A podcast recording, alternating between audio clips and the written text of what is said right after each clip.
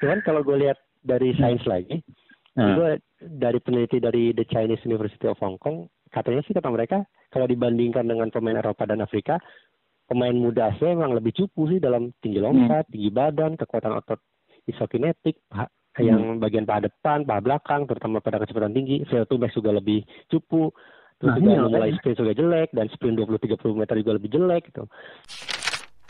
Hmm. lebih dari Pak Yusung, lebih dari eh Cabum Kun dan lain-lain. Jadi akhirnya si Korea ini, kalau gue pernah baca, mereka akhirnya bikin pemain bola mirip kayak bagaimana mereka nyetak eh, idol. Dan gue sih yakin ya kalau aturan APBD eh, belum disahin buat dilarang untuk sepak bola, masih kita masih ada di 2000-an awal di mana fenomena APBD untuk sepak bola Masih masih, boleh. halal. Nah, Kita bi- bisa punya 20 johor gitu.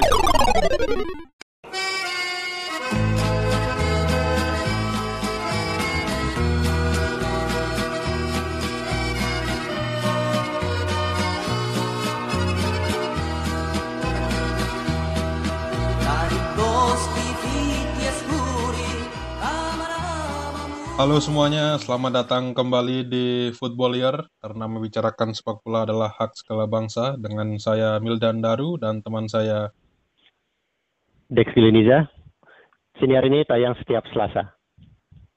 Kali ini eh, kita nggak cuman berdua aja, kita kedatangan seorang bintang tamu. Beliau adalah Bung Aun Rahman. Halo Bung Aun Rahman, halo Bang Dex, halo Bang Mildan. Halo. apa, apa kabar Dek? Eh, apa kabar Un? Aun?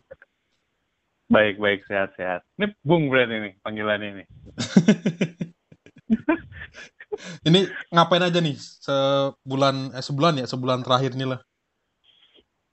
Ya, karena sebelum terakhir ya, karena ya melakukan hal-hal yang bisa dilakukan aja sih. Baik, Lebih banyak baca buku, lebih banyak lebih banyak baca buku sebenarnya, karena sebulan nggak keluar. Masih ini juga ya, masih rekaman juga ya, man to man marking. Ya, ma- masih masih rekaman man-to-man marking juga, rekaman podcast. eh juga karena ada rilis podcast baru juga soal politik dan hukum. Apa namanya masih ada namanya Inkrah. In, I N K R H C T. Oke. Berarti ada dua yang podcast aktif ya berarti ya. Tadi man to man Nah, marking ada sama. Nika tadi ya. Nah, kalau man to man Iya. marking tuh kan ngomongin soal sepak bola Asia ya. Hmm. Nah, itu kenapa kemudian kita undang Aun ke sini karena ya udahlah kalau seperti yang kita tahu dari episode-episode sebelumnya, kalau kita dan Dex dirasa kurang oke dalam sebuah topik, kita ngundang bintang tamu yang lebih jago gitu. Ya, dan kali ini adalah Bung Aun Rahman gitu. Oke. Karena Karena mau bahas. sepak bola Asia gitu. Hmm. Emang kenapa, sih Kenapa sepak bahas bola Rusia? Asia? Hmm. Kenapa kira-kira? Soalnya kan masih dalam rangka ini kan peringatkan konversi Asia Afrika kan. Kemarin kan Afrika udah, sekarang tinggal Asia. Sesimpel itu sih. Oke, oke, oke, oke, oke, oke, oke. Ini episode jalan-jalan, episode jalan-jalan. Hmm. Jadi setelah dari Afrika kita eh, balik lagi ke Asia. Hmm. Karena ya ini tadi sepak bola Asia tuh menurutku sih belum apa ya belum terjamah, belum tereksplor gitu. Masih banyak misteri-misteri di dalamnya gitu. Padahal kan dia kayaknya deket ya apa benua yang ya udah ini ini ben- benua kita juga gitu. Indonesia Iya, kan di, Asia. kita di Asia. Hmm, cuman oh, masih gelap gitu nggak seperti sepak bola Eropa yang lo bisa khatam dari lo tahu ada negara dengan eh, terkecil yang satu negara stadionnya cuma satu apa segala macam lo bisa paham sepak bola Eropa tapi ke Asia tuh kayak oh gitu ya oh ini oh ini liganya apa sih oh juaranya apa sih gitu jadi kayak masih gelap gitu bener gak sih Dex? Benar ya. Eh, soalnya terluas banget Afrika, eh, Asia emang paling luas Hmm. di dunia secara secara geografis.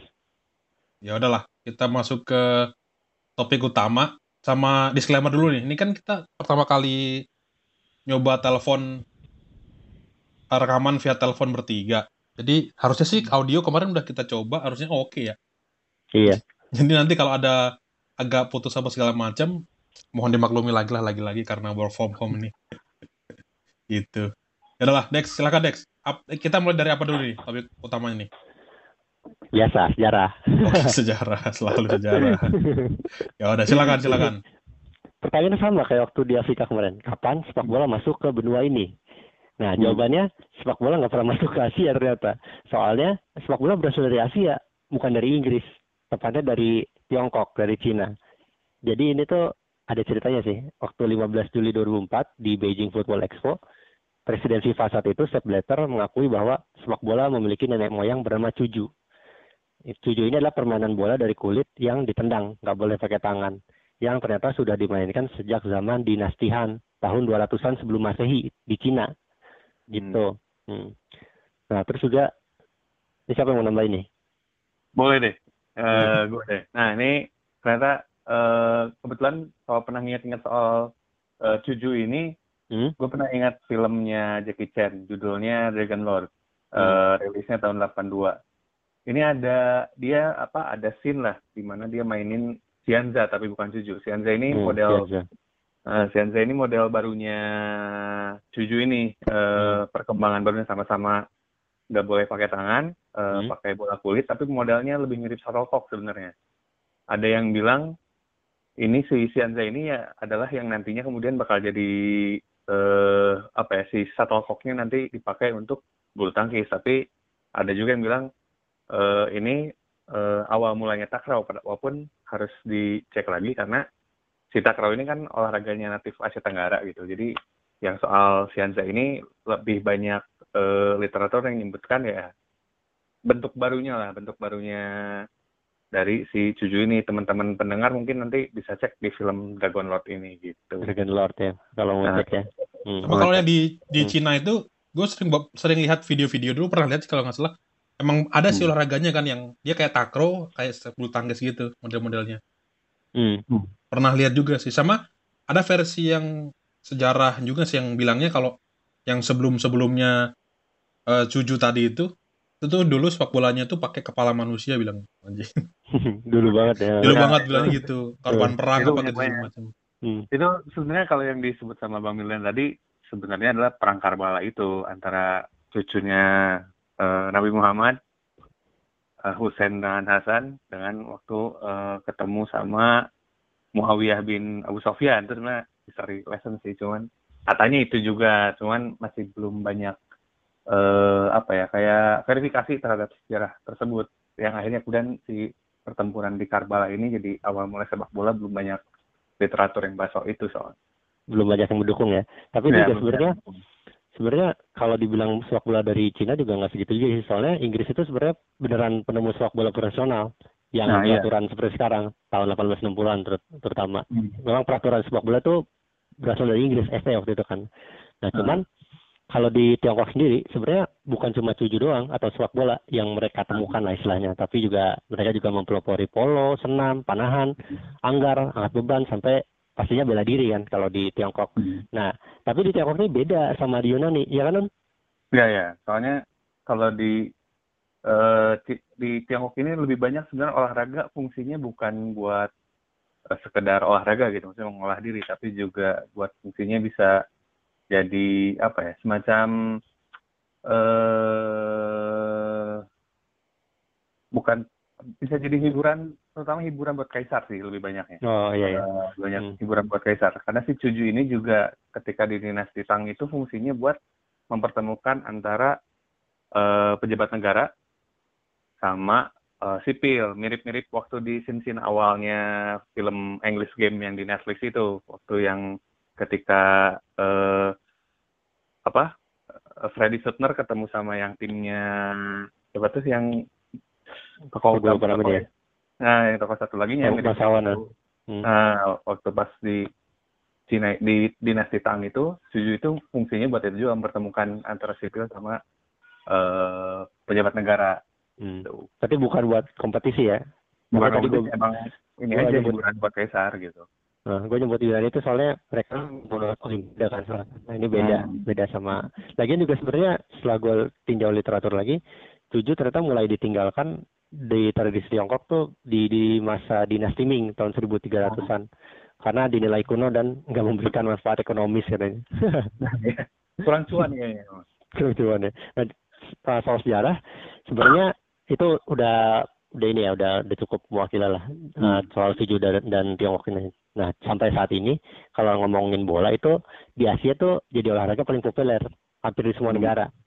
Kalau gue baca China Morning Post itu ada 800 juta penyuka sepak bola di Asia. Kalau pakai perspektif Premier League itu sekitar 32 hmm. persen pasar Premier League itu dari Asia. Oh, lebih nah, dari seperempat berarti ya? Hmm. Makanya waktu Sepp Blatter di Beijing Football Expo ini juga bilang yakin kalau masa depan sepak bola harus ada di Asia karena setengah dari populasi dunia juga kan ada di Asia kan. Tapi gue yakin ini gimmick doang sih. Soalnya ya sama kayak waktu kita bahas di Afrika sih Mel. Asia juga jadi alat politik. Ini gue mengingatkan lagi ya, anggota FIFA itu paling banyak emang dari UEFA. Habis itu dari Afrika, habis itu AFC. AFC itu ada 47. Jadi ya karena one vote eh, ya satu vote sama dengan eh, satu negara itu sama dengan satu vote hmm. ada bobotnya lah gitu makanya cara mendekatinya ya udah di di dibaik-baikin gitu negara-negara Afrika dan negara Asia buat supaya mendulang suara gitu. Nah sebenarnya Asia ini kan anggotanya 47 ya. Ini hmm. mungkin mungkin apa Aun bisa bisa gali lagi nih. Sebenarnya anggota itu lebih banyak kan Un. Kalau kita masukin geografis ya, ada Azerbaijan, Georgia, hmm. Kazakhstan, Rusia bahkan lebih banyak di Asia daripada di Eropa. Meskipun hmm. Moskow di Eropa, Turki juga Asia sebenarnya. Siprus juga ada yang bilang Asia, Armenia, dan ini yang paling rame Israel. Israel nah. juara Asia soalnya. ya. Jadi sebenarnya uniknya Israel ini kan dia pernah ikut banyak uh, uh, federasi ya, pernah hmm. ikut hmm. uh, di Afrika kalau salah dia pernah juga ikut. Terus di UEFA tuh pernah ikut juga tahun, eh akhirnya ikut di UEFA tahun 90. Cerita uniknya paling waktu dia terusir dari AFC ya, tahun 74. Kebetulan mungkin kalau misalnya teman-teman yang senang sama sejarah, uh, di tahun 70-an itu kan lagi uh, panas-panasnya hubungan internasional antara uh, Israel sama negara-negara Arab. Terus hmm. kemudian akhirnya ada perang Teluk atau Gulf War sama perang Kuwait juga. Ini yang salah satu sebenarnya ini apa ya? Salah satu fenomena yang kemudian gimana impact dari politik ke sepak bola tuh salah satunya dari keluarnya uh, Israel dari AFC ini gara-gara situasi mereka jelek sama negara-negara Arab mereka sampai istilahnya terusir lah dari yeah. AFC ini kan harus akhirnya harus mesti gabung ke uh, UEFA gitu. Tapi masih mending UEFA daripada mereka yeah. gabung ya AFC waktu itu sempat kan soalnya. Ya, masih gabung ini juga. Mm. Karena emang istilahnya mereka nggak dapat nggak dapat tempat banget gitu akhirnya mm. terbuang-terbuang akhirnya kan yang apa istilahnya yang bisa menerima mereka UEFA ini UEFA mereka hmm. gitu. Bahkan untuk sekedar tanding pun kan Israel susah kan. Kan salah satu cerita paling sering disebut dan diulang-ulang soal timnas Indonesia berprestasi kan bahwa Indonesia yeah. sebenarnya punya peluang untuk masuk ke Piala Dunia ketika hmm. itu kan. Nah, dari masa-masa di tahun-tahun segitu dia pernah ada suatu masa Indonesia nyaris untuk uh, nyaris inilah nyaris ke fase akhir kualifikasi Piala Dunia. Kemudian mereka akhirnya nggak jadi main karena harus ngelawan Israel kan. Ah ya itu nah, zamannya Bung Karno kalau salah. Uh, dan mereka menolak menolak tanding akhirnya ya udah Israel menang WO terus Indonesia nggak jadi ke Piala Dunia katanya sih gitu. ya. Itu salah satu cerita yang diulang-ulang terus diulang-ulang. Nah balik lagi ke AFC nih sebenarnya kan nah. Konfederasi Asia nih, konfederasi kita itu punya slogan resminya tuh the future is Asia, masa depan yeah. adalah Asia. ini pede juga ya. Nah, soal FC ini dibentuknya 8 Mei 54 di Manila hmm. ternyata di Filipina. Di peloporinya sih kalau gue baca sini ada Afghanistan, Myanmar, Tiongkok, Taipei, Hong Kong, Iran, India, Israel, Israel, Indonesia, hmm. Jepang, Korea Selatan, Pakistan, Filipina, Singapura, sama Vietnam Selatan. Hmm. Nah, Terus gue lihat juga ternyata AFC Cup jadi kompetisi konfederasi tertua kedua di dunia setelah Copa America. Gue balik lagi ke hmm. Israel sebentar deh. Kalau menurut lo, kalau Israel masih di AFC sekarang, mereka masih merajai nggak kira-kira? Oh, buat gue enggak ya. Tetap enggak ya?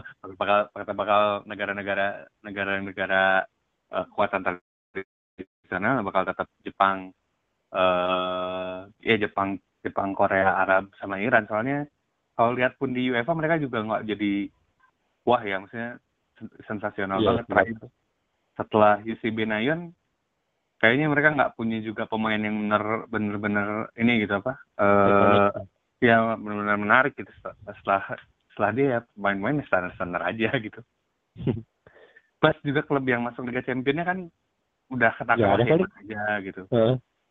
Maccabi Haifa paling terus Hapoel Tel. Aviv. Hmm. Nah, gitu-gitu aja paling. Gak, gak jadi gimana juga sebenarnya mereka di Eropa tuh gitu. Cuman kalau ngomongin soal tadi kan eh, yang Dex sempat bilang kalau slogannya AFC itu bilangnya the future is Asia. Terus Hmm. eh, tadi juga Blatter eh, bilang juga bahwa masa depan sepak bola itu ada di Asia. Semua semuanya soal masa depan, masa depan, masa depan memang. Ini kayaknya salah satu bukti bahwa sekarang ini kan mereka bilangnya masa depan mulu ya. Sekarang tuh berarti Hmm. sepak bola Asia tuh apa sih bisa bilangnya bahasa kasarnya sih cupu sih. Iya sih. Jadi kayak dibanding ini kan nggak ngomongin soal ini ya ngomongin soal antusiasnya kalau antusias, iya Hmm. kita bisa berdebat di lain tem- apa di lain kesempatan lah. Cuman kalau dari Hmm. segi prestasi dan bahkan kalau mau dibandingkan pun dengan antusiasnya, ini kayaknya Hmm. Jadi benua tercupu nggak sih salah satu benua tercupu yang yang kalau kita bandingin sama antusiasnya ya. Menurut lo gimana? Kalau kalau balik lagi ke antusias bentar ya. Hmm. Kalau antusias juga sebenarnya cuma liga domestik doang sih Mil di Asia itu yang antusiasnya tinggi. Soalnya angka penonton Piala Asia atau Liga Champions Asia itu ternyata nggak terlalu tinggi. Salah satunya karena mahalnya tiket, tiket maksudnya tiket perjalanan ya, sama jarak Hmm. yang terlalu jauh antara negara-negara Asia. Makanya kalau kita lihat Liga Champions Asia kan dibagi dua kan. Finalnya Ya. tuh selalu barat lawan timur gitu karena itu terlalu mahal. Itu pun dua leg. Terus juga kalau Piala AFC, FC Cup yang setara Europa League itu cuma satu leg doang Nah. di tuan rumahnya. Nah kalau segi prestasi, sebenarnya kalau lihat ya dari dari Piala Asia lah, Jepang tuh paling sukses 4 gelar. Ini kalau kalau kita bicara gelar juara ya, disusul Arab Saudi tiga gelar, Iran dua gelar, Korea Selatan juga dua gelar.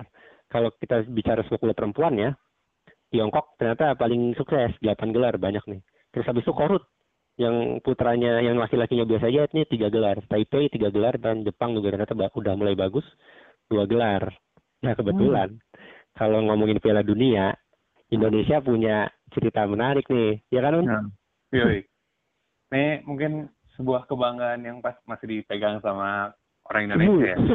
Teman-teman juga mungkin tahu kalau Indonesia eh, merupakan negara Asia pertama yang main di Piala Dunia.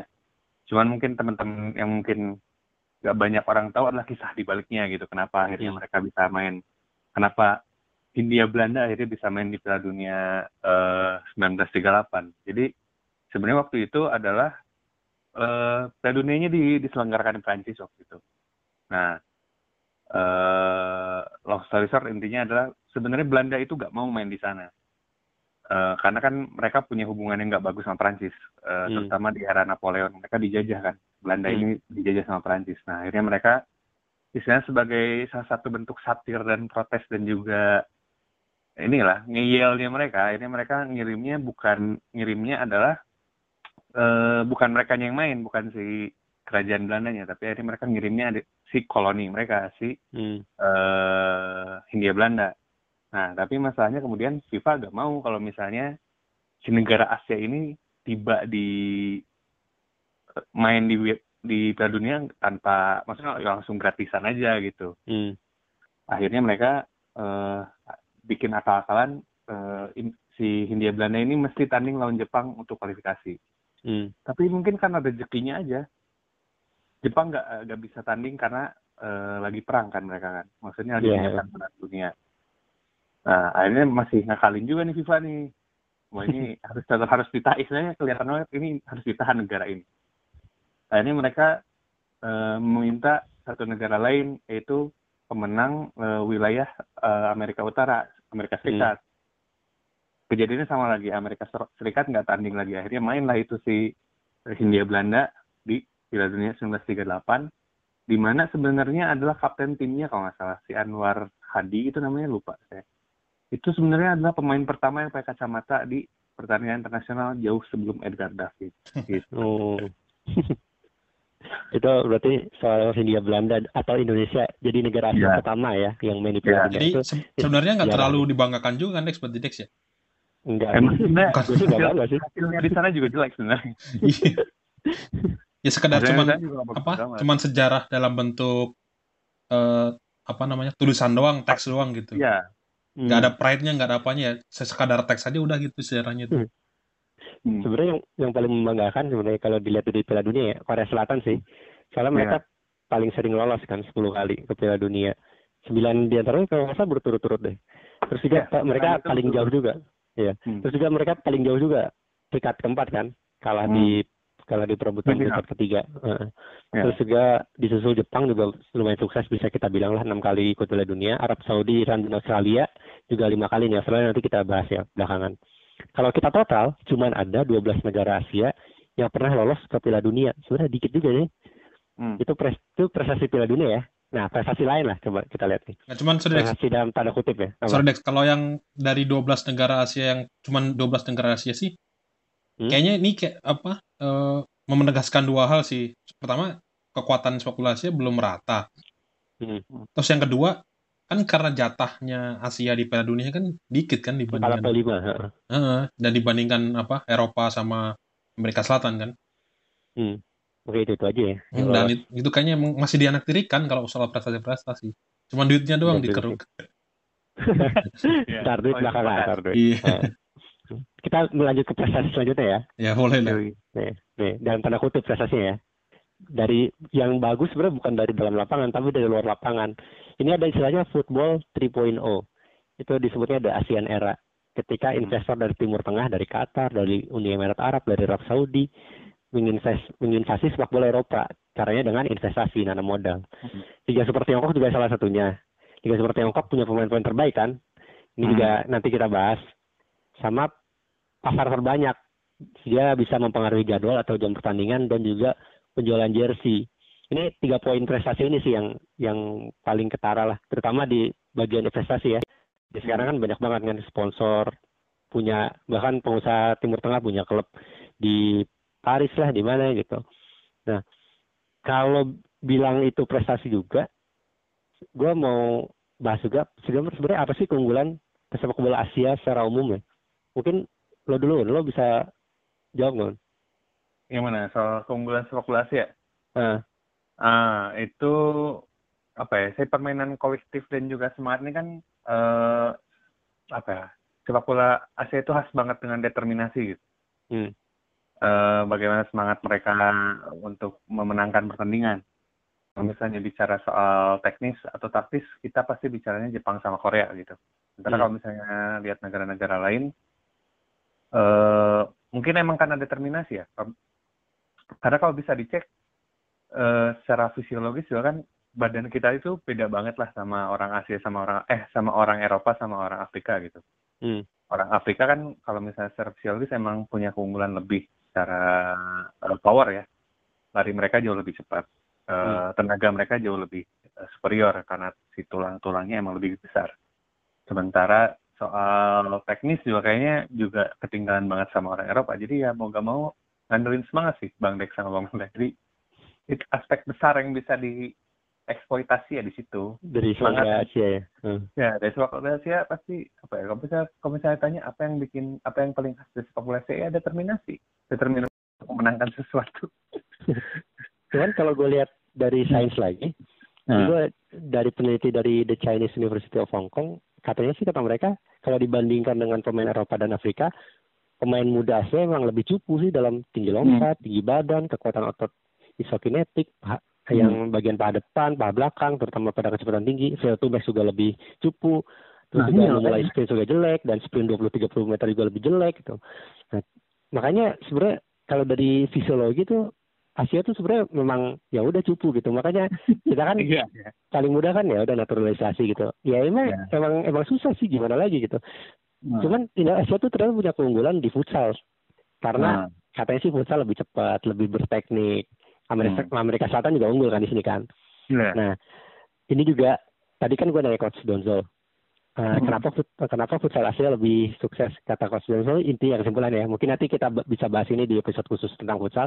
Katanya Eropa mau belum fokus aja ke futsal. Kalau mereka udah fokus, kita juga bakal kalah kok katanya gitu. jadi, gitu. jadi kayaknya kayak gitu sih. Kayak, kayaknya uh, kayak gitu karena mungkin Eropa belum belum ngeh aja sama futsal sih. Uh, belum terlalu ini gitu. Terus gue, gue mau mau bahasin sedikit intrik politik sih kalau soal Eropa versus Asia ini di badminton hmm. aja misalkan dulu kan kita rally-rallynya cepet kan nggak ada hmm. ganti bola kan langsung yeah. eh sorry kita ganti bola kan maksudnya hmm. kalau ada apa-apa ganti bola terus habis itu kayak lebih panjang game itu nah si orang-orang Eropa lebih pengen uh, badminton tuh lebih cepat pertandingannya. Kalau ganti bola gitu kan kita bisa berjam-jam kan dulu zaman dulu kita nonton tahun 90-an. Mereka ingin hmm. lebih cepat dan ingin slot iklan lebih banyak. Makanya diubahlah peraturan itu. Peraturan itu nggak menguntungkan orang-orang Asia karena endurance Asia tuh lebih bagus di di olahraga yang ya. nggak tim kayak gitu.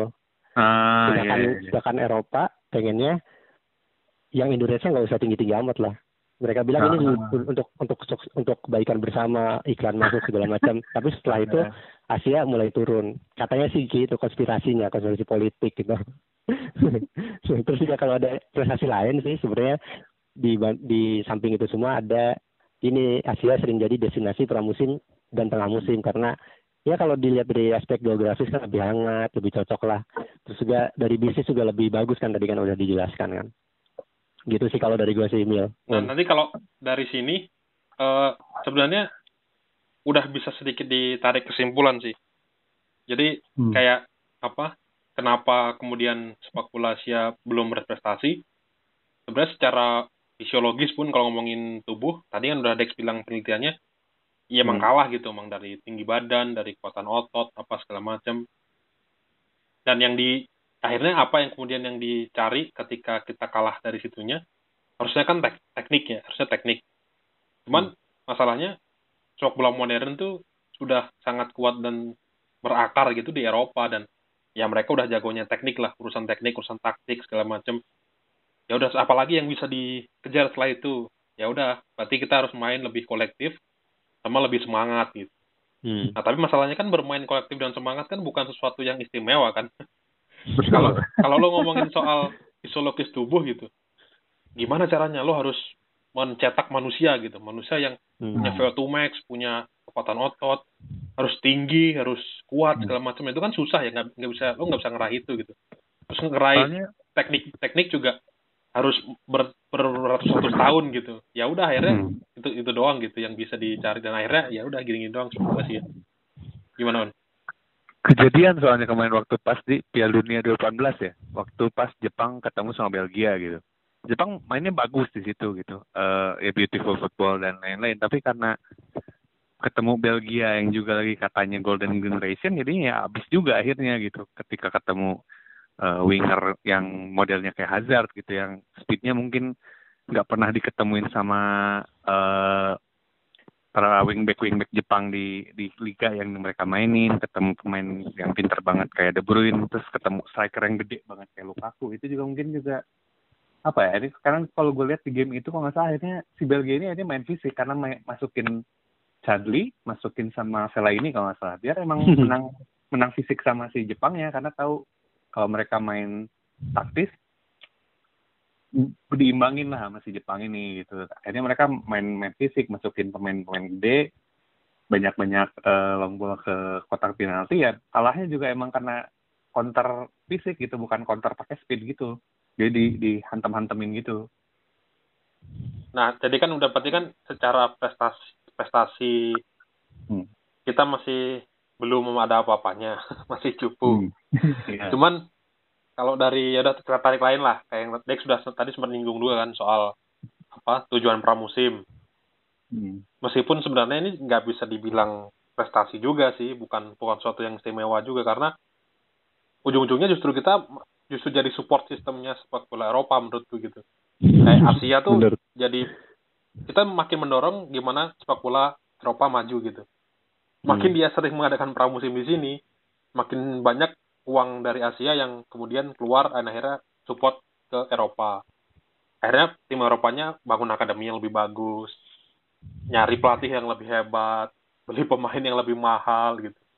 Dan ujungnya ya udah gapnya itu tuh akan makin tinggi gitu ketika tadi yang apa Eropa ke sini cuman ya cuman buat pramusim doang gitu sama kayak hmm. bahkan mereka kan rela untuk mengubah jam apa uh, jam kick off gitu akhirnya kan hmm. pernah nggak mau mereka benar-benar nggak mau main siang-siang gitu di Italia sana kan karena ada hmm. tra ada tradisi bahwa siang tuh waktunya berkumpul dengan keluarga makan siang gitu bahkan ada yang bilang mafia pun se, se kejam-kejamnya mafia kalau kalau udah jam makan siang mereka pulang ketemu keluarga gitu makanya bahkan mafia pun malas untuk non ke stadion nonton bola tapi sampai seri A pun akhirnya mengalah dan mereka merelakan siang-siang untuk main bola demi jam Asia gitu dan ketika makin berkembang makin berkembang gapnya itu justru trennya sekarang malah bahkan pemiliknya pun investasinya itu ke Eropa gitu Tuh. duitnya makin ke sana lagi makin ke sana lagi gitu. menurut kalian gimana tuh Dari Bang Dex dulu, silakan. gue sih pendek itu mainan politik juga sih kayak gitu termasuk Piala Dunia di Qatar juga politik jadi memang mereka butuh uang dan kebetulan yang negara kaya sebenarnya dari sini banyak dari Asia. Jadi ya dimanfaatin aja. Ya itu sesuai dengan kapitalisme pada umumnya lah. Apakah ini? Apakah eh, sorry. Apakah sudah waktunya para bos-bos di Asia ini untuk menyetop uangnya? Ya udah invest aja sekarang ke Asia gitu. Ya mungkin mau, kan mau, in- mau invest apa sebenarnya kalau dilihat di Qatar Qatar apa mana ya? Aspire Academy itu Qatar bukan sih? Aspire itu. Itu yang lapangannya banyak. Terus juga Oh, Cina juga. Qatar sih Hmm. sebenarnya. nanti juga kita bakal bahas di Cina. Cina juga punya banyak akademi banyak lapangan Hmm. gitu. Ya, mereka kebanyakan mentoknya di situ di di talentnya itu berarti. Heeh, di talentnya itu. Karena ya secara fisiologis kita nggak nggak unggul gitu kita butuh jalan panjang sih tuh. Kayak mungkin kawin silang atlet atau naturalisasi atau apa gitu untuk beneran unggul. Kalau kita nggak bisa ngubah peraturan ya. Sebenarnya kita bisa kalau Asia bisa masuk ke organisasi ngubah peraturan gitu. Misalkan main bola misalkan lima menit doang atau gimana lah. Lapangan dikecilin Nah. atau gimana yang bikin Asia bisa excel gitu. Nah, itu bisa bisa aja. Tapi lagi-lagi itu permainan politik. Kalau kalau kita pakai sepak bola setting kayak sekarang memang itu udah udah udah apa ya memanjakan Eropa dan Amerika Latin banget kalau menurut gua gak akan gak akan bisa meskipun kita investasi kita investasi di Asia sebanyak apa pun gitu Nah. makanya kalau ngomongin kesuksesan kita harus kerucutin misalkan Indonesia mau sukses gimana caranya lolos Piala Dunia menurut menurut gua udah bisa, bisa udah bisa dibilang sukses sih kayak juara Asian Games itu udah bisa dibilang sukses. Juara Piala AFF, AFF itu udah bisa dibilang sukses. Hmm. Nah, kalau juara Piala Dunia menurut gue nggak jangan bermimpi seperti itulah. emang kalau itu terlalu jauh emang kalau misalnya Hmm. ngomongin Piala Dunia untuk masuk aja kan juga eh, ini Indonesia ya butuh waktu lah gitu. Hmm. Ya, masih kalau ngomongin juaranya masih jauh. Itu. Nah, cuman kalau tadi kan apa ya dari segi ekonomi Eropa dan Asia, Hmm. cuman kalau ngomongin soal industri internalnya lah, soal sepak bola Asianya gitu. Eh gini deh, kita nggak usah ngomongin soal angka detail berapa uang yang berputar apa segala macam gitu. Kita lihat perspektifnya dari mata telanjang aja lah, yang yang apa namanya, yang kelihatan doang gitu. Kalau menurutku tuh sekarang ini belum ada liga unggulan yang ditonton di seluruh penjuru Asia gitu apalagi dunia ya kan nggak usah ngomongin dunia dulu lah Hmm. kayak misalkan kita ngomongin di eh, Eropa ya udah semua orang nonton Premier League gitu. Ada ada Hmm. liga top liga apa segala macam. Semaju-majunya Liga Jepang semaju-majunya Liga Korea. Orang Indonesia orang Asia Tenggara nggak akan su- susah gitu untuk nonton Liga Jepang gitu. Bahkan Thailand pun gue pernah ngobrol sama apa orang Thailand kan pas waktu ke Thailand pas ke klubnya Nanto Basna yang soal pe- pemain Thailand apa namanya eh diambil jelik ada lima pemain kalau nggak salah waktu itu Iya, Hmm. lima pemain. Eh, dan mereka bilang apakah kemudian orang-orang jadi nonton jelik dan mereka Iya juga. bilang iya tapi pas bagian pemainnya ada doang gitu ketika pemainnya Hmm. nggak ada mereka nggak nggak ngelirik jelik gitu dan ba- kita bisa bayangin ketika pemain Thailandnya pergi itu udah nggak di jelik lagi ya orang tetap nggak mau nonton jelik sih gitu gimana menurut Aun soal sepak bola Asia yang dari segi gairahnya lah gitu karena emang apa ya harus diakui kayak kayak gue kebetulan emang karena suka Liga Malaysia ya. Jadi eh men, me- beru- berusaha lah. Berusaha cari streaming cari streamingannya baik legal maupun ilegal ya. Hmm. terus juga cari cari info-infonya gitu. Tapi kan itu posisinya nih market ya istilahnya. Nggak semua orang pengen nontonin Liga Malaysia juga gitu. Dan gue pun melihat Liga Jepang pun sama lah. Walaupun emang di Indonesia ada komunitasnya gak, gak yakin juga itu juga bakal jadi sama populernya sama kayak Liga Inggris atau Liga Italia misalnya. Emang sih ada yang nonton tapi tetap misalnya jadi kayak sesuatu yang apa ya? Ya peminatnya juga khusus gitu, bukan peminat yang orang tuh semua orang tuh bisa nikmatin itu gitu. Kalau Liga Champions Asia? Liga Champions tuh itu juga itu juga perkara juga sebenarnya. Apa gua harus diakui kalau Liga Champions Asia itu rame kalau negaranya main di situ gitu. Soalnya pernah ngobrol-ngobrol juga kebetulan sama teman-teman di uh, apa di, di sekitar Asia, dia bakal nonton Liga Champions Asia kalau ada tim negaranya main. Misalnya temen gue ada orang Malaysia, dia bilang kalau JDT main dia tonton karena walaupun dia bukan fans JDT tapi JDT tim dari Malaysia kan. Hmm. Sama temen gue yang dari Iran juga ketika Traktor main walaupun dia bukan fans Traktor dia nonton itu juga mungkin berlaku buat gue juga karena kadang gue nonton PSM atau Walina itu ketika mereka tanding di uh, Champions League Asia ya. Hmm. Ketika dua tim itu gak main, gue gak akan nonton tim lain karena kecuali emang game-game bener-bener seru gitu ya. Misalnya uh, Hong Steelers lawan uh, misalnya apa ya Yokohama F Marinos itu emang tim-tim besar ya oke okay. cuman kan lagi-lagi market yang terbatas itu nggak semua orang menikmati benar-benar hafal lah. Istilahnya mirip mungkin jadinya mirip di sepak bola Asia ini mirip makanan Perancis terlalu mew apa ya terlalu high culture jadinya yang nikmatin juga sedikit gitu.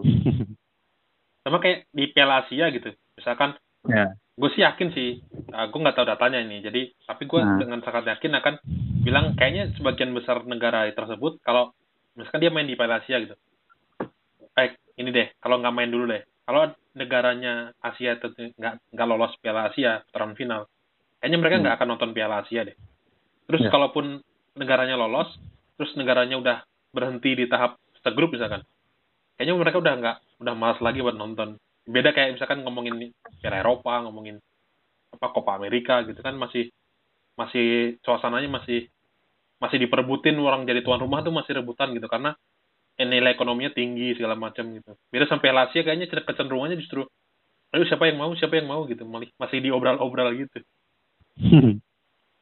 iya yeah. nah tapi ngomongin apa namanya soal tadi kan udah eh, kompetisi apa segala macam kalau kita ngomongin soal negara sepak bola terkuat di Asia, hmm. menurut kalian siapa aja? Ya, listnya dulu lah, listnya dulu deh. Listnya dulu. Jepang sih, yang paling paling disorot lah. Terus, kalau terus Jepang. Hmm. Korea. Jepang, Korea pasti. Hmm. Terus apa lagi? mungkin masuk. Tiongkok masuk, masuk ya?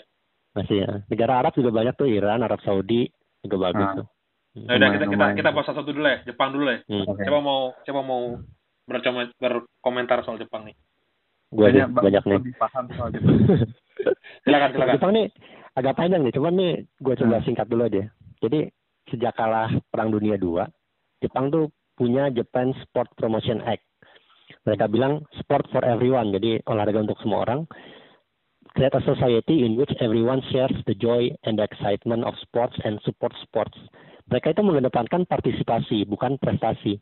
Jadi ayo kita olahraga dulu sebanyak-banyak kan di masyarakat Jepang nih.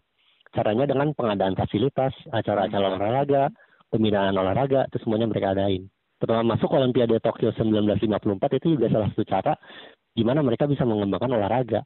Makanya data dari tahun 90 nih, warga Jepang yang aktif olahraga tiga kali sepekan waktu itu tahun 90 cuma ada 23,7 persen. Kemudian angkanya naik drastis di tahun 2012 jadi 59,1 persen. Nah, kalau kita apa fokusin ke bola doang, ini di titik baliknya nih ada di tahun 92 nih. 92 itu bisa dibilang titik terendah sepak bola Jepang. Di sini mereka punya uh, 100 year vision, jadi visi 100 tahun untuk Jepang bisa juara Piala Dunia 2092. Jadi gila, mereka punya visi 100 tahun. Mereka ngincar juara dunia, cuman masih 2092. Dari sini mungkin Aun bisa nambahin dulu. Ya soal tahun 92 ini sebenarnya jadi mereka tuh gagal uh, lolos ke Piala Dunia pasti. Hmm. Terus juga uh, kalau nggak salah gagal lolos Piala, Piala Asia kalau nggak salah ya. Terus tapi yang pasti itu soal Piala Dunia mereka kan nggak lolos lagi. Nah hmm. terus juga di tahun tersebut uh, kalah adu penalti lawan Korea Selatan yang emang jadi uh, rival. Lalu lah kita. Kan itu juga istilahnya ini sebenarnya yang, yang tadi Bang Dex bilang yang soal uh, 100 year vision itu sebenarnya agak mirip dengan tes risetnya sepak bola Jerman waktu tahun 2000-an awal gitu mirip hmm. lah ini kan gimana akhirnya bikin mereka bikin plan untuk uh, revolusi sepak bola mereka gitu. Hmm. Ini juga tahun 93 juga Jelik baru lahir kan? Ya. Satu tahun setelah itu. Nah, yang menarik di Jelik ini, setiap klub disyaratin harus punya semangat komunitas. Jadi harus punya rencana terus tahun juga gitu lah. Jadi nggak cuma memajuin klub doang, tapi memajuin komunitas mereka juga. Mereka benar-benar apa menyuruh klub untuk per, mapan dulu ya profesional dulu jagonya belakangan. Makanya waktu itu kan sempat ada klub yang nggak mapan lah istilahnya kayak nggak punya duit untuk berkompetisi akhirnya mereka bangkrut. Hmm. kayak Yokohama eh Marinos tuh gue lupa deh Yokohama sama Flugels kalau salah deh ya, yang merger akhirnya. Nah, ya. mereka tuh tadinya dua klub tapi karena sadar sama-sama aduh kita nih nggak bisa berkompetisi secara profesional nih ya udah kita merger aja lah gitu.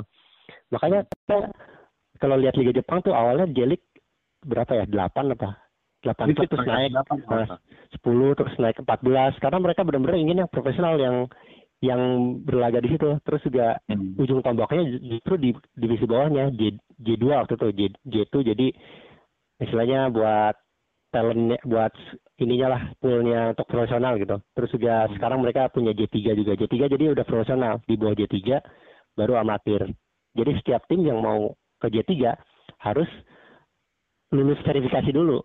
Kalau mereka juara divisi 4 DSL namanya. Tapi mereka nggak punya satu situ ya mereka nggak akan nggak akan promosi. Itu dulu yang di, ditanamin sama Jepang dari dulu. Makanya mereka benar-benar menunjang menjunjung tinggi profesionalitas. Terus juga kalau kita ngomongin budaya Kapten Subasa juga berpengaruh banyak sih sama sepak bola Jepang. Oh, ini, nah ini kalau ngomongin Jepang bakal panjang banget lah. Nanti mungkin ada episode spesial buat buat Jepang. Cuman apa yang dari Jepang ini sebenarnya Jelik sih terutama Jelik itu kan selalu yang digaung-gaungkan orang-orang dari dulu kan bilangnya Jelik tuh dulu belajar dari Indonesia loh gitu. Jadi dulu tuh uh, Jelik tuh dulu 92 tuh mereka belajar ke sini. Mereka nyontoh Liga Indonesia. Eh sekarang Jepang Liga Jepang maju banget. Liga Indonesia masih hmm. gitu-gitu hmm. aja gitu. Kayaknya ini perlu dilurusin juga deh. Karena beberapa fakta yang terjadi itu mereka tuh bukan mencontek Liga Indonesia sebenarnya, bukan begitu datang ke Liga Indonesia terus oh Liga Indonesia bagus kita contek yuk gitu. Nggak segitu gitu pak mereka tuh dulu tuh melakukan ini sebenarnya sih lebih ke studi banding. Jadi kayak hmm. ya udah selain ke Liga Indonesia mereka ke Eropa macam gitu nyontoh nah mereka ambil yang ambil yang baiknya kan dan mereka nggak mau ke buruknya gitu. Bahkan takutnya ini jangan-jangan mereka sukses karena mereka lihat oh kata kayak gini buruk loh gitu. Oh iya. Jangan ditiru ya gitu. Terus akhirnya kemudian mereka maju gitu. Jadi bukan sesuatu yang harus dibanggakan gitu sebenarnya. Itu Emang, sesuatu yang diluruskan gitu. Hmm. Over glorifikasi aja yang soal apa jalik belajar ke sini tuh emang salah satu fakta yang dilebih-lebihkan aja. Selain oh, Indonesia masih Asia kan? Ya, selain kita mengimbangi Uni Soviet tuh salah satu fakta lain yang dilebih-lebihkan tuh itu juga tuh. kayaknya gue sepakat sama uh, Mas Milda justru. Mungkin emang dia datang ke sini emang sudah dibanding ke semua negara dan ternyata wah jelek di sini. Oh jangan kayak gini berarti. Iya. Gitu. ya udah segitu Jepangnya ya. Nah nanti ya udah hmm. kita ke negara kedua nih. Korea Selatan nih. Hmm. gimana? Apa yang terjadi dengan Korea Selatan? Gimana Un? Lo bisa cerita mungkin Un apa ya? Jadi uh, selain Pak ada... Jisung ya? Selain Pak Jisung ya? Oh, oh Pak Jisung ya. enggak enggak enggak bercanda bercanda Pak Jisung karena kan fans MU gimana gimana? Korea Selatan gimana? Jadi mereka itu kan si asosiasinya ini lahir tahun 48 sebenarnya nggak ada uh, apa ya? Kalau boleh dibilang sebenarnya nggak ada hasil khusus kenapa sepak bola mereka bisa bagus kecuali kecuali fasilitas dan juga gimana olahraga ini mengcover semua kalangan uh, kalau ini dari terus juga ada data apa mereka juga ada penerapan riset olahraga cuman yang paling baru yang gue pernah baca itu ternyata sejak adanya son hmm. mana si Hang Min Son ini kan uh, levelnya kalau harus diakui dia mencapai level secara secara player ya hmm. bukan secara prestasi uh, permainan secara playernya kan dia mencapai level yang lebih tinggi dari dari banyak pemain Korea yang lain hmm. lebih dari Pak Pisung, lebih dari uh, Kun dan lain-lain. Jadi akhirnya si Korea ini, kalau gue pernah baca, mereka akhirnya bikin pemain bola mirip kayak bagaimana mereka nyetak uh, idol. Jadi Hmm. di karantina dulu, terus juga dibekali kemampuan nggak cuma di lapangan. Son itu kan termasuk pemain yang oke ya, secara bahasa Inggrisnya oke. Terus Hmm. ngomong di kameranya tuh sebenarnya Son tuh termasuk yang bagus gitu. Itu Hmm. juga yang akhirnya dibikin sama Korea. Mereka nggak cuman nyetak karena mungkin mereka kalau gue lihat kenapa mereka bikin akhirnya bikin modelnya superstar. Mungkin karena mereka sadar nggak akan sejago Jepang gitu, nggak akan Hmm. nggak akan secara teknis nggak akan sejago Jepang. Akhirnya mereka bikin gimana caranya bikin global superstar yang mirip Son lagi gitu. Nah yang dimulai-mulai itu yang angkatannya Huang Hichan itu yang main di Salzburg yang Oh sempat iya. Dimas itu. Nah angkatan itu Hmm. sebenarnya dimulai para pemain Korea Selatan yang akhirnya eh, modelnya ya modelnya si global superstar itu gitu. Gimana akhirnya mereka kalau mau debut tuh bener-bener dimatengin dulu baru mereka boleh debut di tim senior gitu-gitu. Berarti mereka belajar dari ini ya, K-pop ya. Ya, Kan belajar K-pop. negara negara ber- berperan banget kan di kemajuan K-pop untuk bisa mendunia kan. Nah, ya. Oh, iya. Mereka jadi modelnya mi- mirip model superstar K-pop gitu akhirnya. Mereka ditempa Hmm. dulu, ada karantina dulu, ada ini dulu sampai akhirnya dikasih debut tuh benar-benar niru dari bagaimana si K-pop ini muncul gitu. Si bintang K-pop ini akhirnya dapat eh, bisa muncul di panggung gitu. Nah, soal itu, gue masih masih inget banget video salah satu video viralnya Son Heung-min. Nah, Dia entah entah udah di Spurs atau masih di Bayer Leverkusen, gue lupa. Jadi waktu Liga Champions kalau nggak salah atau Bundesliga gitu, eh, dia diwawancarain tuh, diwawancara sama reporter. Pertama bahasa Jerman dulu atau bahasa Inggris dulu gitu. Dia bahasa Inggris, udah udah udah interview, set set set, set. terus dikasih tahu sama reporternya, udah ya sekarang kita pakai bahasa Jerman. Terus dia ngomong bahasa Jerman, set, set, set, set, gitu. Anjir, gue ngeliatnya sih keren banget sih. Jadi kayak bisa nge-switch kayak jubir gitu udah. Ya, Makanya, bisa akhirnya emang- terjawab sudah.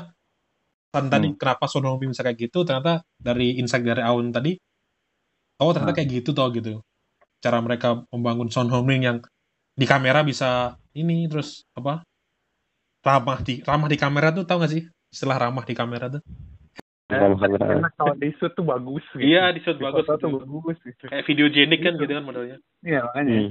Dan secara kemampuan pun Son Heung-min jago banget sih gue bilang sih. Kayak Nah, dia bahkan di di Premier League dia bisa masuk ke jajaran saya ngomongin jajaran gelandang top misalkan gitu. Heung-min bisa masuk di list itu sih gitu. sepakat, sepakat, sepakat. Ada lagi yang mau tambahin Dek soal sekolah Korea? Udah kayaknya itu. Sudah ya. Hmm. Udah. Nah, habis itu berarti kita ke sekarang ke mana nih? Tiongkok, Tiongkok. Nah ini harus dibahas juga nih. Gara-gara ini, ini soalnya negara yang ngotot banget buat ngembangin sepak bola. Mereka punya ini punya nama itu Chinese Football Dream. Katanya Hmm. host the World Cup, quali- qualify for the World Cup, win the title sebelum 2050. Belum 2050, better Hmm. tunggu ya. Hmm. Untuk Chinese Football Dream ini mungkin tahun sempat riset katanya tadi. Iya, jadi si salah satu alasan kenapa mereka bikin si Chinese Football Dream ini Hmm. sebenarnya karena waktu pas Piala Dunia 2002 tuh mereka babuk banget lah. World Cup di World Cup 2002 ini mereka kan eh, jadi Pas siapa eh, ya itu ya? Pas ada siapa ya? Gimana? Pas ada pemainnya siapa ya? Waktu itu Cina. Hmm. Cina nobody know sih. Gue tanya pemain Cina. Zheng Cheng sih. Ah iya itu Zhang Zheng kan era istilahnya. Si Litia ini yang akhirnya jadi pelatih timnas Cina sekarang. Hmm. Nah ini waktu World Cup 2002 ini mereka babuk banget lah mainnya sampai kalah eh, kalah tiga kali kan mereka Hmm. bahkan kalah dari eh, kalah dari Turki, kalah dari Brazil, kalah dari eh, Costa Rica. Nah sementara di sisi lain Jepang sama Jepang sama Korea bagus banget kan di apalagi mereka tuan rumah juga Hmm. melaju jauh lah ini yang mereka bikin sirik-sirikan apalagi kan sama-sama negara Asia Timur nih mereka iri iri lah kalau boleh dibilang wah ini Korea sama Jepang bisa melaju jauh. Kita sementara kita nasibnya kayak gini gitu. Hmm. akhirnya bikin akhirnya bikin lah si Chinese Dream eh, ini itu buat agar ya intinya ya prestasi sepak bolanya membaik walaupun sepertinya habis dari sini juga nggak nggak nggak nggak banyak. Kalau- juga gitu. kalau Jepang kan 100 tahun ini mereka hmm. 2050 kalau Jepang tadi 2092 pengen juaranya ini paling kelihatan di liganya kan CSL kan ya. liga paling ya. mentereng tereng banget lah gitu tapi sebenarnya di grassroots juga mereka juga ngembangin itu sih mereka hmm. rencana bikin gue nggak tahu yang udah kebentuk berapa ya 50 ribu akademi sepak bola sebelum 2025 nah, hmm. nah salah satu penyebabnya ini gara-gara presiden ini Xi Jinping kan suka sepak bola kan lo tau Xi iya, Jinping pre presiden keberapa Cina nggak gue kira ke 11 gara-gara namanya oh. ternyata ketujuh ketujuh ya. Uh, terus menurut gue juga kenapa Cina bisa gampang lah istilahnya? Karena pemerintah mereka kan sentralis kan. Jadi apa apa ya, ya pasti lurus. Pa, pasti tunduk lah sama pemerintah. Itu juga yang bikin mereka makanya bisa bisa apa ya bisa bisa jalannya mulus lah gitu. Gue nggak tahu nanti ya. hasilnya gimana ya. Kalau yang sebuah Cina ini fenomena menarik menurut gue karena hmm. kan mereka ngot ngototnya ngotot banget gitu kan di Asia tuh. Mereka bangun stadion terbesar, mereka bikin akademi terbesar, mereka bikin liga termewah gitu. Segalanya ya udah gue, ibaratnya mereka tuh seolah-olah gue bisa bikin lo, gue bisa bikin gitu. Gue pengen sepak bola jago, gue bisa bikin. Gue pengen ini, gue bisa bikin. Ternyata sampai saat ini ya, sampai sejauh ini sih gue bilang masih gagal juga sih. Jadi fenomena Cina tuh sebenarnya menarik bahwa ternyata sepak bola nggak semudah itu loh gitu. Bahkan ketika lo udah jor-joran mengeluarkan segala resource lo untuk membangun akademi, untuk membangun liga, masih gagal juga gitu. Jadi sepak bola itu masih masih unik banget itu, masih bukan suatu yang lo jago-jagoan infrastruktur, ya udah bangun aja yang gede, tapi ternyata nggak gitu juga gitu. Sepak bola masih Enggak. iya masih hal unik tuh. Keunikan sepak bola tuh ya di fenomena Cina ini menurut gue sih. Gimana lo mau berprestasi tidak begitu caranya gitu. Masih harus sangat tradisional, harus masih sangat budaya gitu tidak bisa dilakukan dengan instan. Nah, tadi kan ini soal negara yang ya bisa dibilang negara yang kuat lah di sepak bola. Ah. Ada Jepang, ada Korea Selatan, terus habis itu ada Cina gitu.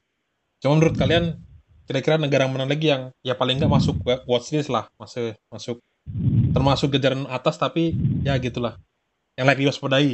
Siapa lah? Kalau kalau lihat dari jumlah penduduk ya, India sih harus masuk sih. Soalnya mereka mereka sebenarnya olahraga popul paling populernya kriket ya bukan sepak bola cuman mereka udah ngembangin ISL pemain-pemainnya juga bagus meskipun nggak bagus-bagus banget terus juga plus cerita mereka hampir lolos ke Piala Dunia 1950 dulu di Brasil cerita yang berkembang sih mereka nggak nggak jadi main di Piala Dunia gara-gara nggak boleh main neker padahal yang terjadi bukan kayak gitu karena mereka waktu itu nggak punya duit dari India ke Brasil mau naik kapal. Lu bayangin naik kapal bukan naik pesawat loh. Apa? Tapi tapi ceritanya kayak itu memang memang menarik sih, bagus sih buat disirkulasi. Terus selain India juga menurut gua ada negara-negara Timur Tengah juga dari tadi belum kita sebutin, Iran paling bagus, Arab Saudi juga bagus. Sama kalau cerita underdog paling manis menurut gua Irak sih. Mereka waktu lagi perang tapi juara Asia di GBK waktu itu. Ada cerita agak soal ini, soal yang menarik di juara Asia di GBK tuh. Apa cerita Aun mungkin Aun ada ini atau sepak bola Timur Tengah gitu. Hmm, kalau atau ya entah sepak bola Timur Tengah atau soal Irak yang juara Asia di GBK. Kalau kalau misalnya Timur Tengah karena apa ya mereka uh, harus diakui uh, Arab Saudi sentris banget lah gaya-gayanya mirip sebenarnya mirip-mirip bagaimana Arab Saudi uh, memutar sepak bola mereka tapi kalau misalnya bicara soal Irak ini kan jadinya fenomena tersendiri ya Hmm. Waktu mereka juara Piala Asia 2007 itu kan situasinya mereka lagi perang. Lagi perang. Ya situasi uh, domestiknya lagi nggak aman lah, tapi mereka akhirnya bisa perang di, uh, maksudnya bisa juara di uh, Jakarta. Hmm. Satu cerita ya dari yang kata Bang Desa di sebenarnya manis karena kalau nggak salah gue inget uh, beberapa squad dari beberapa pemain di squad tersebut juga ada yang pemain klub lokal Irak yang udah lama gak main juga sebenarnya. Tapi hmm. akhirnya bisa bersaing timnas bisa juara gitu.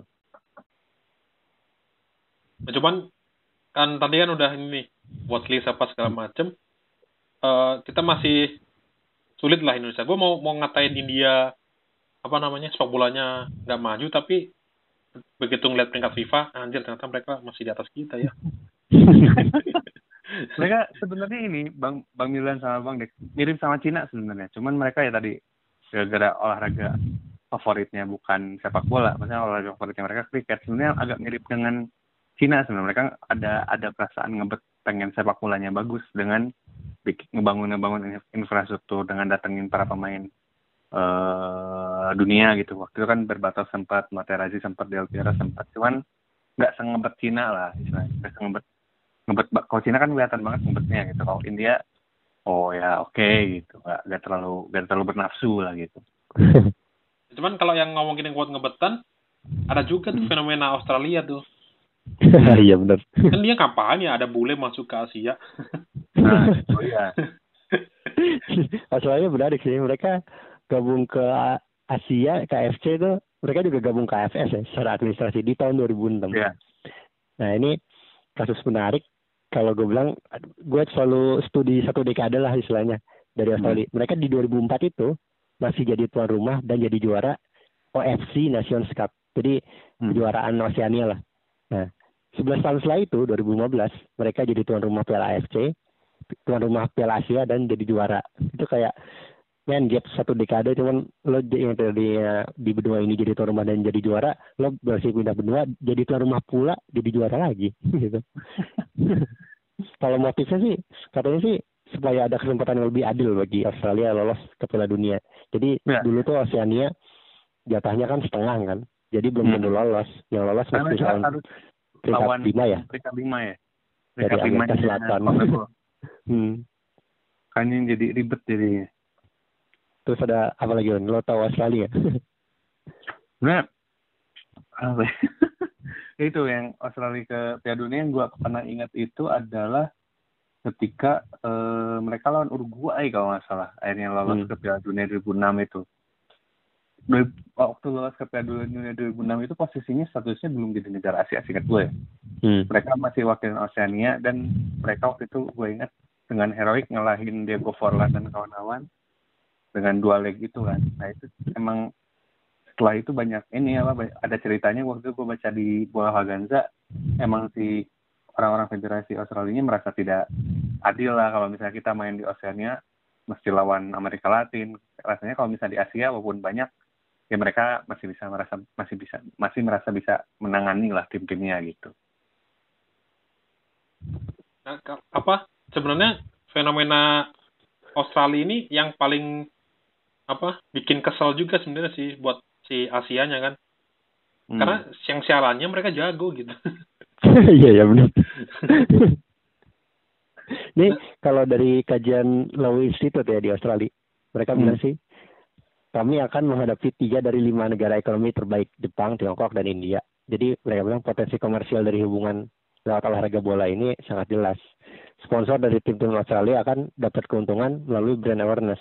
Sekaligus akan datangin investor asing dan juga domestik yang baru untuk klub-klub Australia. Ini mereka bukan cuma mikirin timnas doang sih, ternyata klub juga dipikirin yeah. gitu.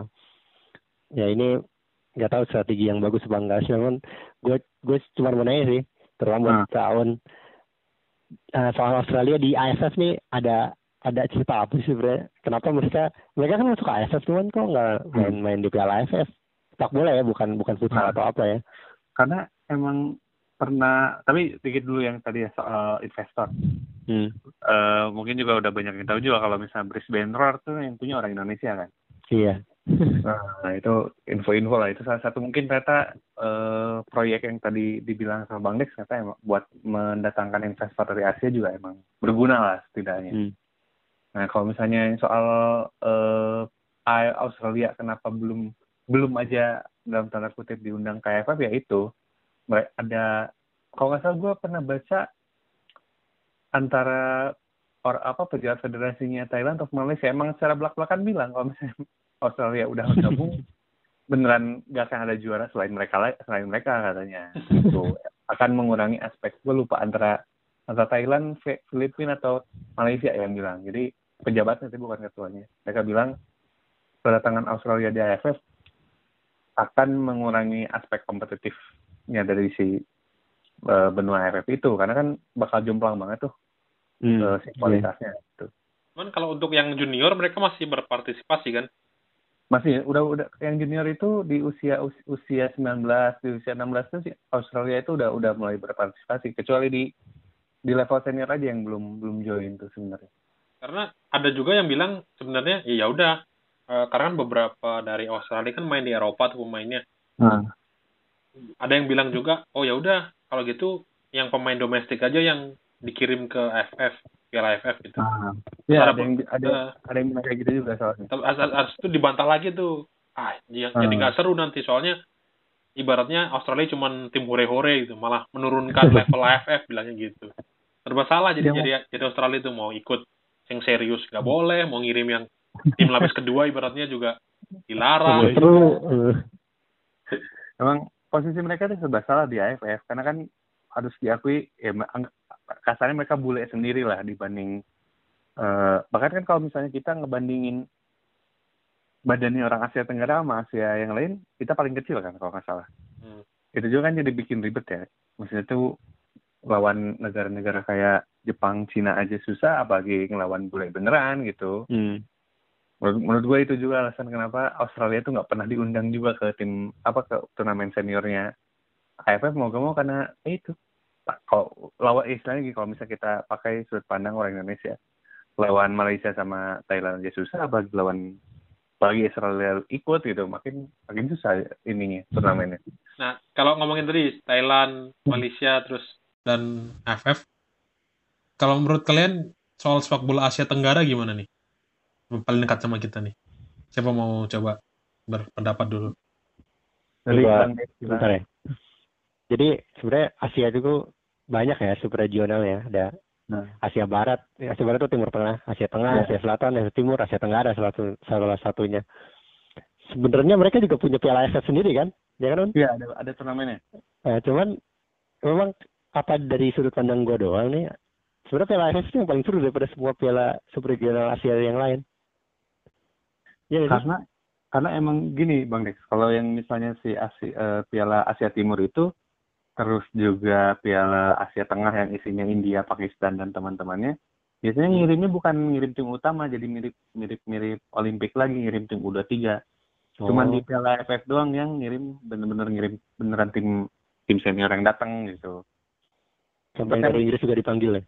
ya apa dari dipanggil apa dari dari mana seri, ser- ya emang benar kata bang Dex tadi serius banget kalau piala AFF sementara piala-piala subkonfederasi yang lain tuh beneran buat mainin pemain muda mainin ngasih caps pemain yang oh jarang dia belum pernah belum harus dicobain main akhirnya main gitu Nah, tapi ini udah mulai pelan-pelan dipraktekin sama Thailand sebenarnya kan? ya Thailand tuh Heeh. udah mulai sering mainin tim-tim lapis keduanya di AFF tuh waktu ya du- dua edisi dua edisi kemarin lah udah udah mulai, mulai sering yang tanding itu pemain-pemain yang kalau nggak tua banget muda banget biasanya yang di- diturunin bahkan untuk di 2020 ini mereka kan berencana masih masih berencana sih untuk ya ya udah gue mikirin liga gue dulu lah gue nggak mau ngirim tim ke ya dia bilang Hmm. gitu kan ya Karena nggak wajib Malaysia bilangnya juga sama, gitu. Bang. gimana Ya, Malaysia juga sama. Malaysia juga sama Hmm. Malaysia juga berencana untuk tidak ngirim tim ke AFF juga tahun ini. Dengan alasan yang se- serupa dengan Thailand mereka ya mau ngebetulin liganya karena situasi pandemi kan? Hmm, di tahun 2020 ini ya. ya untuk 2020 berarti Thailand ya udah udah bisa ditebak lah ya. Thailand masih nomor Hmm. satu di Asia Tenggara gitu. Seberapa ini sih? Seberapa tak terkejarnya gitu Thailand di antara yang lain-lain menurut kalian? Apakah benar se sementereng itu gitu Ini oh gue yang jawab ya. Oke. Hmm. Kalau kalau menurut gue karena eh apa ya recognizable dari dunia internasional juga gitu dengan kalau misalnya mau dicek yang sering eh diun apa mengundang sebenarnya lebih sering mengundang tim-tim luar tuh kan Thailand tuh. Hmm. Eh, terus juga kebetulan karena pemilik klub Liga Inggris juga orang Thailand juga keterikatannya banyak lah. Maksudnya mereka kalau misalnya harus, harus diakui oke lah secara ranking FIFA lagi Vietnam yang paling atas. Cuman kan kalau misalnya bicara in general dan mata yang kelihatan sama mata kan Thailand gitu. Dan yang jadi masalah karena tim-tim lain mungkin tidak seserius Thailand buat eh, buat untuk apa ya untuk melakukan hal yang sama dengan Thailand untuk bisa sepak bolanya bagus gitu. Kalau gue lihat kayak gitu sih. kalau menurut gue sih gue pernah ke ini apa? Nah, Thailand kan. Hmm. eh, ke Thailand bahkan sampai dapat kesempatan buat apa namanya ke tempat latihannya yang Basna diundang kan malam apa segala macam. Jadi sempat beberapa inilah ngobrol dan tahu beluk-beluk Thailand. Meskipun nggak dalam-dalam banget tapi maksudnya gue udah ngeliat gimana mereka latihan gimana mereka apa namanya mengatur tim apa segala macam terus waktu hari H pertandingan. Kayaknya yang membedakan Thailand bisa selevel ini kata kuncinya cuma satu sih. Mereka pro beneran pro gitu yeah. profesional. Titik udah. Hmm. bukan karena soal antusias bukan soal apa-apa. Betul. Profesional udah titik gitu, gitu doang gitu. Kayak yang terjadi sepak bola di sana tuh ya udah beneran dijalankan dengan asas profesional aja. Lo kerja oh ya udah kerja sini. Kerja berarti harus bagus dong. Kalau nggak bagus lo hmm. dievaluasi. Gitu terus uh, kalau lo dibayar sebagai pemain ya lo harus main yang benar gitu. Lo ada uh, wasit sebagai wasit bekerjalah dengan baik sebagai seorang wasit gitu. Nah itu kayaknya yang belum terjadi di negara-negara lain gitu. Kayak ngomongin Vietnam belum pro karena bahkan beberapa tahun meskipun mereka timnas yang berprestasi ya cuman liganya kesandung. Skandal pengaturan oh. skor. Hmm, begitu yeah. juga dengan negara Indonesia ketua PSSI-nya ditangkap gitu-gitu eh sorry nah, bukan ketua PSSI wakil wakil ketua PSSI nah. ditangkap terus kayak Malaysia eh, apakah maju termasuk top lah di Asia Tenggara. Cuman hmm. ya mereka yang dibanggakan dari sekarang kan cuman Johor Johor Johor itu doang kan kayaknya. Hmm. Johor sentris lah nah, gitu. karena kalau misalnya kan karena gue ngamatin banget Liga, uh, Liga Malaysia ya, hmm. emang karena terus gue juga waktu ke sana juga ini maksudnya emang kentara banget jauhnya gitu antara Johor sama tim-tim lain di Malaysia gitu. Kayak ketika pemain mudanya Johor gajinya sampai bisa beli mobil sport gitu. Di tim lain pemain mudanya gajinya nggak jauh-jauh beda sama tim-tim Indonesia gitu. Itu yang bikin jadi wah emang kayaknya emang ngandelin banget Johornya gitu dibanding uh, perkembangan tim-tim lain. Emang ada pemain muda lain di tim-tim kayak Kedah kayak Pahang. Tapi akhirnya ketebak banget kayak Safawi Rashid gitu. Bagus di Selangor akhirnya pindahnya ke Johor gitu gitu lah kelihatan banget lah pemain pemain bagus tuh pasti kemungkinan besar ke Johornya tuh gede gitu. Ya mau gimana lagi orang ditawarin gajinya berlipat-lipat ya pasti mau lah gitu. Dan fenomena Johor sebenarnya mereka maju karena punya uang. Udah gitu doang. Wah, itu sepakat. Mereka oh, gue sepakat sama Mas iya. Milan serius. Dan dananya tuh bukan dana sponsor dalam artian itu uang negara itu tuh uang negara uang kerajaan gitu jadi hmm. ya mereka kerajaan mereka punya otoritas lebih untuk mengeluarkan uangnya hmm. gitu dan gue sih yakin ya kalau aturan APBD uh, eh, belum di sahin buat dilarang hmm. untuk sepak bola masih kita masih ada di 2000-an awal di mana fenomena APBD untuk sepak bola masih, masih halal. Nah. Kita bi bisa punya 20 Johor gitu. nah iya, orang nggak kehitung masih itu. Iya, misalkan mau ada po, apa PON, bukan olahraga nasional. Bangun stadion dalam waktu tiga tahun, stadion baru. Nah. Gimana logiknya gitu? Ada lo bisa bikin stadion, coy. Stadion baru berkapasitas uh, lebih dari 50 ribu kursi gitu. Arsenal aja mau bangun stadion masih ngotot-ngotot, ngos-ngosan gitu. Sementara apa uh, Pemda mau bikin stadion ya tinggal bikin aja udah gitu. Set gitu. Iya, buat pon bikin olahraga apa segala macam. Jadi bisa bayangin ketika APBD masih dibolehin, wah gila sih. Kayaknya pemain-pemain dunia itu nggak ke CSL, nggak ke Cina sih. Kayaknya ke Indonesia deh. gitu sih gue gue ngelihatnya makanya gue nggak terlalu ini sama Johor gitu ketika mereka pamer-pamer kekayaan gitu ah ya udahlah ya udahlah gitu cuman gitu-gitu doang gitu gue sih bukan pro gua bukan respect, bukan tapi, pro Johor. tapi sama kayak kayak kayak Mas Mil dan kayak hmm. oh ya toh duitnya juga emang gila-gilaan makanya bisa bisa bangun stadion. Termasuk ada klub yang apa ya uh, membuat relasi dengan Johor juga mau ngapain orang? Pasti duit apa ya duitnya beda lah. Gue lebih sepakat kalau tim kita tuh belajarnya ke Thailand gitu. Karena dari model bisnis belajar gitu-gitu itu kayaknya lebih pas aja gitu ketimbang Malaysia orang pakai duit negara ya ya pasti gede lah. Pakai APBD gitu ya. Makanya gue nggak pernah sepakat kalau kita belajarnya ke ke Malaysia. Walaupun gue nonton ini lebih banyak liga Malaysia gitu. Benar-benar hmm. ya cuma tadi sih pro udah gitu doang. Sesimpel itu udah Thailand. Nah. nah udahlah ini sebagai inilah uh, sesi akhir lah. Sebagai ini eh buat fun fun doang aja fun fun doang aja. Kalau kalian ngomongin se- apa di se- ini bebas sih bisa bisa pemain mana aja kalau Hmm. ngomongin pemain Asia paling ikonik gitu nggak, nggak harus terhebat ya nggak harus terhebat ya ikonik gitu Ah, yang terlintas di kepala kalian siapa kira-kira Dex Coba Dex gue. Dex Dex, Dex dulu deh kalau kalau Asia ini rekornya belum belum kelewat yang Ronaldo nih. Ali Dai ini dari Iran. Masih gol internasional paling banyak. Hmm.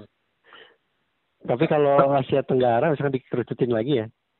Kiat Sukses Muang sih gue bilang. Hmm. Thailand ya. Kalau ikonik sih itu sih. Sama ya, kalau yang international recognition selain Ali Dai ya Nakata lah udah paling. Jadi dia bisa dibilang pemain Asia pertama yang penjualannya bagus gitu yang dibeli untuk jual kaos tapi juga dia jago juga meskipun pensiun dini ya. kalau Aun Aun Ah, kalau gue apa siapa ya? Ali Day ada cerita sedikit juga. Gue sebenarnya pengen punya kumis tuh gara-gara beliau. Kayaknya keren aja gitu. Cuman ternyata gue nggak pernah bisa punya kumis sayangnya. Satu alasan kenapa gue pengen punya kumis itu karena Ali Day juga. Tapi ternyata gue nggak bisa punya kumis. Oh gue Sunil eh, Sunil Setri yang dari India.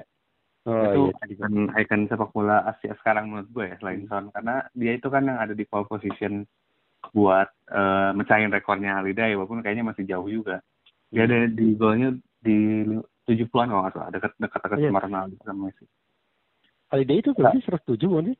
Di 100 ya setuju Masih jauh ya. masih jauh Hmm. kalau sama kalau kalau Asia Tenggara Alamsa Alamsa masih Oh, pemain dalam terbaik. sah. Alamsa itu the best lah itu terbaik lah Kalau siapa? sama Mil? Safik Rahim sama Safik Rahim yang Oh, siapa? namanya bakal jadi nama anak gua itu nanti. Gila. Kalau udah pakai anak tuh dia mengikuti jejak Dex ya yang memberi nama anaknya nama pemain bola ya. Ya, tuh. Kayak ada ada ada ada inspirasi dari Bang Rex juga sebenarnya makanya mau gua kasih nama Safik tuh.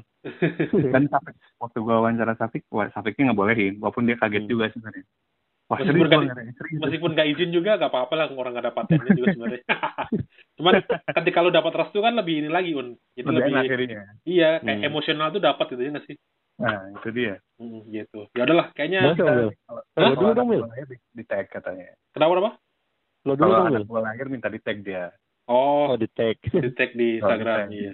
Nah, Nggak, kalau ikonik gue sih ju- ini ya justru ngelihatnya masih Nakata sih karena hmm. fenomena Haji Nakata tuh sampai sekarang gue nggak bisa ingat di kepala gitu beneran Hmm. jadi Iya, ketika lo Hanakata tuh ide itu Haji Nakata udah kan itu Nakata ketika apa lo tempat main apa segala macam masih apa eh, Parma. Terus apa jersey Parma teman-teman gue pakai jersey Parma terus namanya Hanakata. Hanakata tuh udah ini sih udah apa namanya udah gak bisa dilawan lah gitu fenomena kata tuh. Hmm. mau mau ada Park Ji Sung mau ada sekarang Son Heung Min ya mungkin karena ini ya karena masa kecil ingatannya lebih ke apa lebih kuat lebih terekam gitu. Ya udah gue sih Hmm. Kalau bilang ikonik siapa ya Nakata udah gitu sih Hmm. Oke, oke. ya udahlah kayaknya sekian ya dari kita udah satu jam Iya. lebih kayaknya Eh, Oke. Oh, udah sejam lebih ya? satu jam lebih lumayan lah Oke. ya udah sekali lagi terima kasih Un ya udah mau Yo, siap, ke siap, siap. Footballier Thank you, thank you banyak. titip salam buat teman-teman di Man to Man Marking Oke. Eh, dan jangan lupa kalian juga dengerin podcastnya Aun ada di mana Un tadi Man to Man Marking sama satu lagi Mental marketing. Sama Inkra. Inkra Yang nanti Inkra kalian mungkin tidak segmented sepak bola tapi ya kalau mau dengerin silakan. ya silakan banyak bahasa Sundanya ya? Oh, Apa? enggak? Banyak bahasa Apa? Sundanya? Enggak Banyak ya, bahasa Sundanya? campur yang di Inkra. Campur. Campur. Gue lihat tweetnya Fuad soalnya. Oh iya, ya komplain soalnya kita campur bahasa Sunda juga. Ya, dan Hmm. sama jangan lupa itu juga kalau kalian pengen tahu info sepak bola dan terutama di Asia dan Asia Tenggara, kalian bisa follow juga di Twitter atau Instagram Aun di @aunrahman ya. Yoi, Double N. kalau yang di? Twitter R-nya dua. Oh, Aun Rahman. Man, kalau di Hmm. Twitter R-nya dua, kalau di dua. Instagram satu. Ya udah, gitu dulu ya. Sekali lagi terima Oke, kasih Un. oke. Yo, masih Makasih banyak semuanya. juga Bang Dennis, Bang Iya. Midan. Makasih, makasih sudah mendengarkan. Sampai jumpa di episode selanjutnya. Dadah. Dadah. Dah. Ini adalah suara pandit komputer. Terima kasih telah mendengarkan. Jangan lupa share ke teman-teman kalian.